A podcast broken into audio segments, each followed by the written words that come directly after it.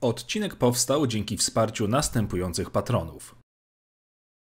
Dziękuję Wam i niech moc zawsze będzie z Wami.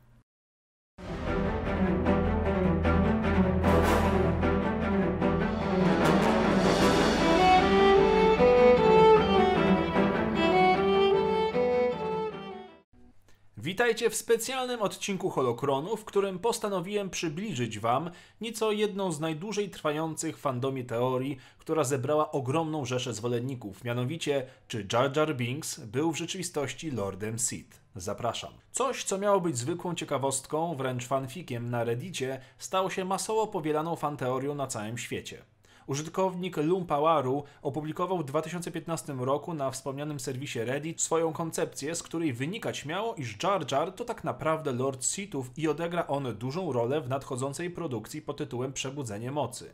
O ile sam pomysł był do cna szalony i zwariowany, o tyle jego argumentacja przekonała wielu fanów. Prześledźmy więc, co konkretnie autor miał na myśli, tworząc tą legendarną już w fandomie teorię. Po pierwsze, Jar Jar nie miał być wcale nieudolnym idiotą, na jakiego pozował, ale był w rzeczywistości wysoce wykwalifikowanym użytkownikiem mocy, zarówno pod względem zdolności bojowych, jak i kontroli umysłu.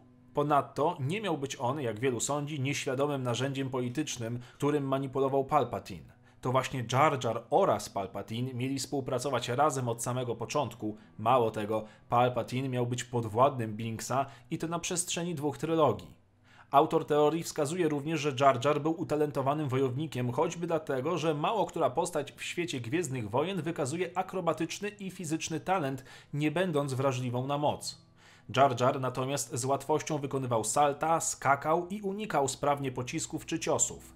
Niby przypadkiem, ale jednak. Podczas bitwy na Nabu jego szczęście na polu bitwy jest aż absurdalne. Zupełnie jakby Jar Jar mimo wszystko doskonale panował nad sytuacją, jedynie udając fajtłapę. Obi-Wan przestrzegał nas lata później, że według niego nie istnieje coś takiego jak szczęście.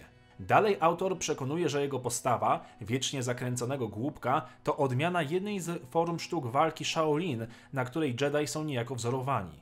W kung fu istnieje sposób walki, a raczej cała dyscyplina, a mianowicie Zui Quan, czyli pijana pięść wushu. Dyscyplina ta stara się naśladować nieskoordynowane, pozornie przypadkowe słabości pijaka, ale w rzeczywistości polega na oszołomieniu wroga i wykorzystaniu potknięć jako pędu ciała.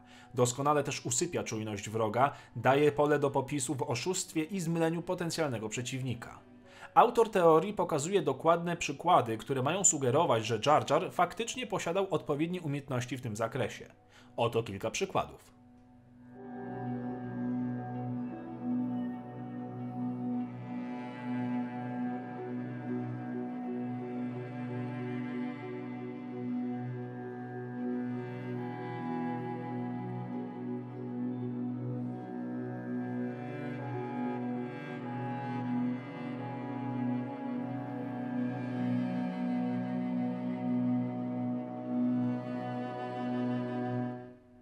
Co prawda, to nie czyni go jeszcze użytkownikiem mocy.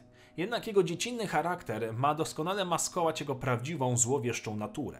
Jego upadek z balkonu podczas zasadzki z Obiłanem jego mistrzem postrzegany był jako przykład użycia mocy do złagodzenia upadku, oczywiście w przerysowany, głupkowaty sposób, by tylko uśpić czujność Jedi.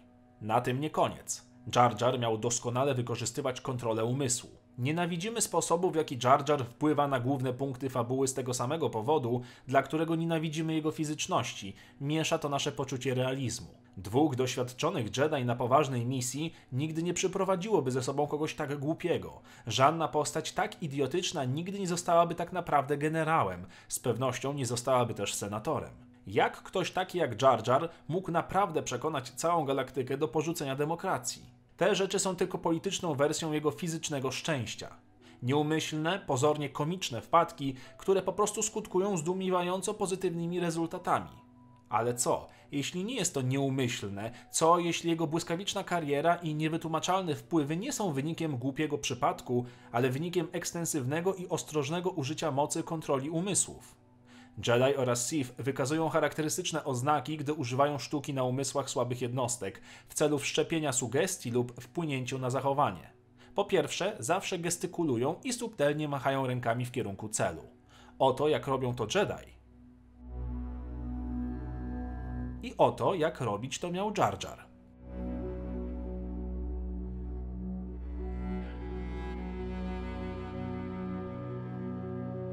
Jeżeli oglądać prequele podle tej zasady, szybko można zauważyć, że Jar Jar to wybitnie mroczna i manipulacyjna, podstępna i subtelna postać.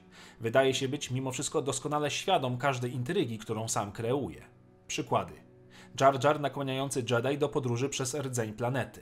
Jar Jar ostrożnie wywołujący scenę, dzięki której wpada na Anakina i poznaje go lepiej. Jar Jar nieustannie kpiący z Qui-Gona za jego plecami, podczas gdy Anakin patrzy, tak by chłopak wcześniej nauczył się braku szacunku dla autorytetu Jedi. Jar Jar mówiący ośmioletniemu dziecku, że królowa jest całkiem gorąca, podsycając płomienne zauroczenie dziecka, które później wykorzysta. Czemu jednak miałby współpracować z przyszłym imperatorem? Palpatine i Jar Jar pochodzą z tej samej planety, co w skali uniwersum Gwiezdnych Wojen jest jak dorastanie jako sąsiedzi.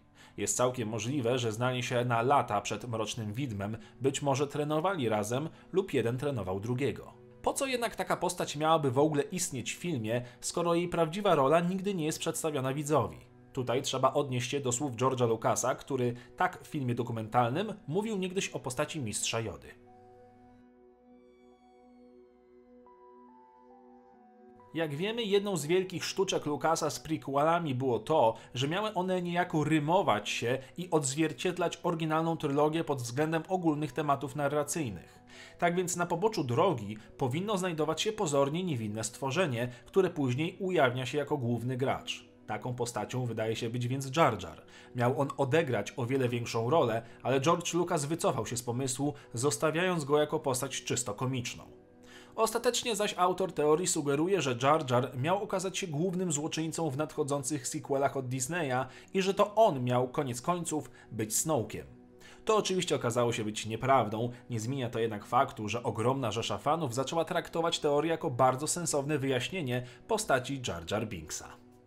I to tyle w tym temacie. Dziękuję za oglądanie. Dajcie znać, o czym chcecie kolejne odcinki. Wbijajcie na naszego holokronowego Discorda oraz rozważcie zostanie patronem serii.